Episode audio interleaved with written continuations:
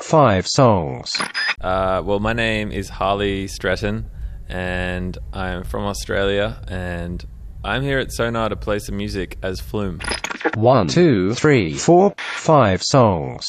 One, Oh god. Okay, first important song. I'd say there's a track by the Chemical Brothers who I think they played last year at Sonar, right? two, I used to go on camping trips with my family and that was my soundtrack.